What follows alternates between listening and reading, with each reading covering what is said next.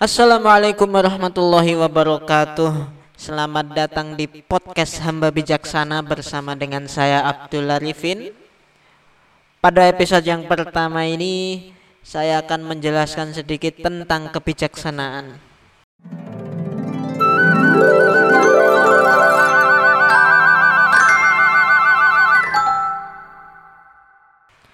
Apa itu kebijaksanaan? Kalau kita berbicara tentang kebijaksanaan, kita tidak bisa jauh-jauh dari filsafat. Lantas filsafat itu apa? Dari namanya saja kita sudah bisa mengetahui filsafat itu berasal dari filosofi. Filo artinya itu cinta, sedangkan sofi artinya kebijaksanaan. Filosofi atau filsafat berarti mencintai kebijaksanaan. Maka jangan heran kalau ada orang yang berfilsafat itu keputusan-keputusan yang diambilnya cenderung lebih bijaksana, lebih elegan, lebih mendalam berpikirnya ya. Lalu kebijaksanaan itu sendiri artinya apa sih?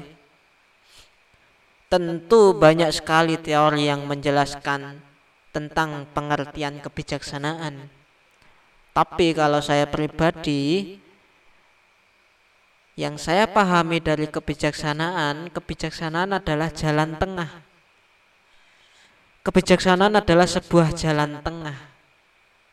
Apa maksudnya? Maksudnya ketika Anda memiliki sebuah masalah atau problematika, Anda harus melihatnya dari segala sudut pandang, dari segala sisi Jangan sampai ketika Anda memiliki masalah Anda hanya melihat dari satu sudut pandang saja.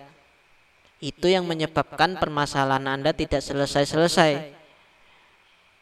Misalnya nih, misalnya misalnya Anda adalah seorang yang introvert.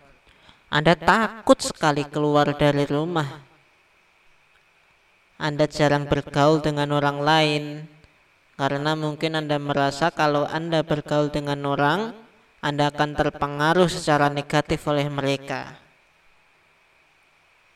Tapi coba pikirkan, pikiran-pikiran yang ada di pikiran Anda itu berasalnya dari mana?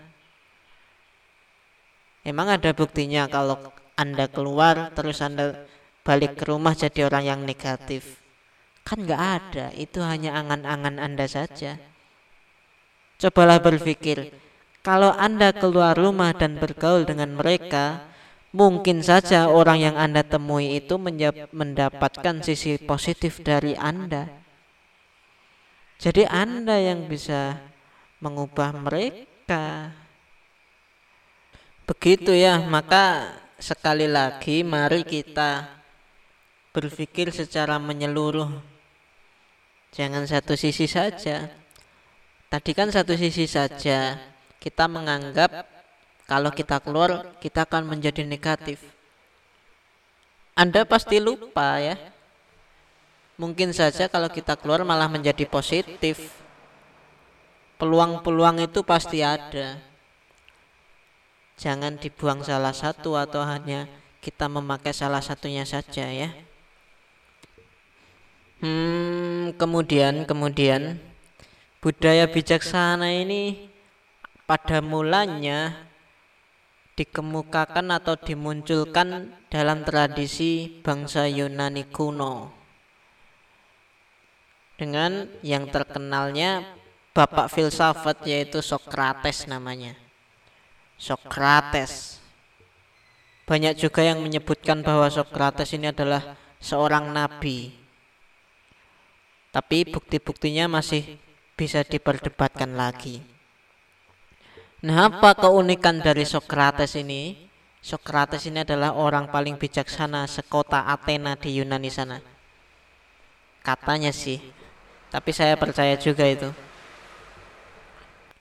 Sokrates ini orang yang sangat disukai oleh kaum pemuda di Athena waktu itu ya.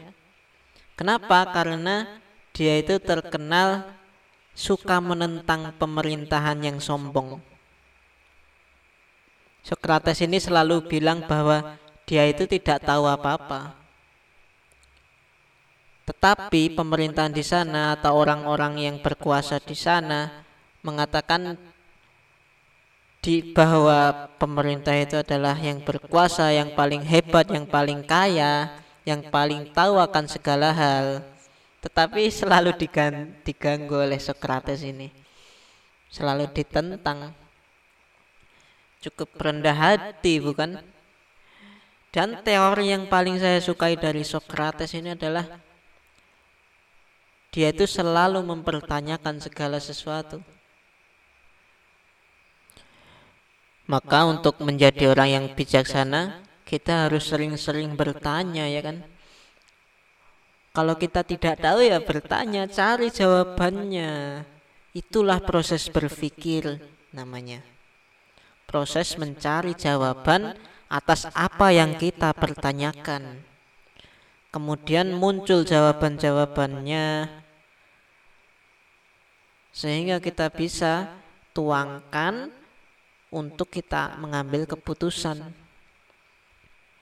Itu Socrates. Lalu, lalu, eh, bagaimana kalau ada orang yang mengatakan, oh filsafat itu bertentangan dengan agama. Kita harus menjauhi filsafat. Jawabannya ya filsafat dan agama itu tidak bertentangan sebenarnya, saling melengkapi bahkan. Bahkan di agama saya sendiri, agama Islam, filsafat kebijaksanaan itu malah diperintahkan. Kalau di agama saya namanya hikmah. Hikmah itu artinya kebijaksanaan. Bisa kalian lihat di surat An-Nahl ayat 125. Uda'u ila sabili rabbika bil hikmah Ajaklah orang dengan kebijaksanaan. Ajaklah kebaikan orang-orang itu menggunakan kebijaksanaan. Jangan pakai kekerasan, jangan memaksa. Tapi ajaklah mereka dengan cara yang baik, yang bijaksana, yang elegan ya kan. Pasti orang akan tertarik.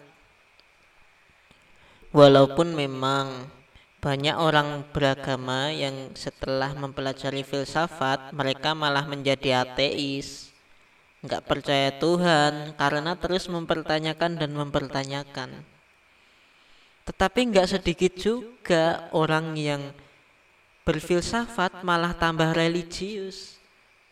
Kenapa? Karena kebenaran yang hakiki hanyalah Tuhan. Segala sesuatu yang mereka pikirkan, ujung-ujungnya pasti ada sesuatu yang lebih kuat, yang lebih besar, yang maha dari segala maha, yaitu pastinya tidak lain dan tidak bukan adalah Tuhan.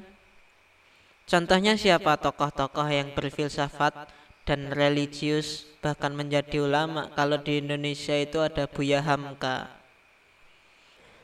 Terus ada Cak Nun atau Muhammad Ainun Najib. Kemudian yang viral di YouTube itu ada Ustadz Fahruddin Faiz.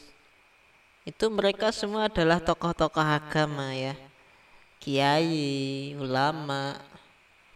Dan mereka pemikiran mereka sangat dalam dan pastinya itu dipengaruhi oleh pelajaran-pelajaran filsafat yang terus mempertanyakan akan jawaban-jawaban. Haus akan jawaban. Supaya di kemudian harinya keputusan yang diambil argumen-argumennya itu lebih wise wisdom bijaksana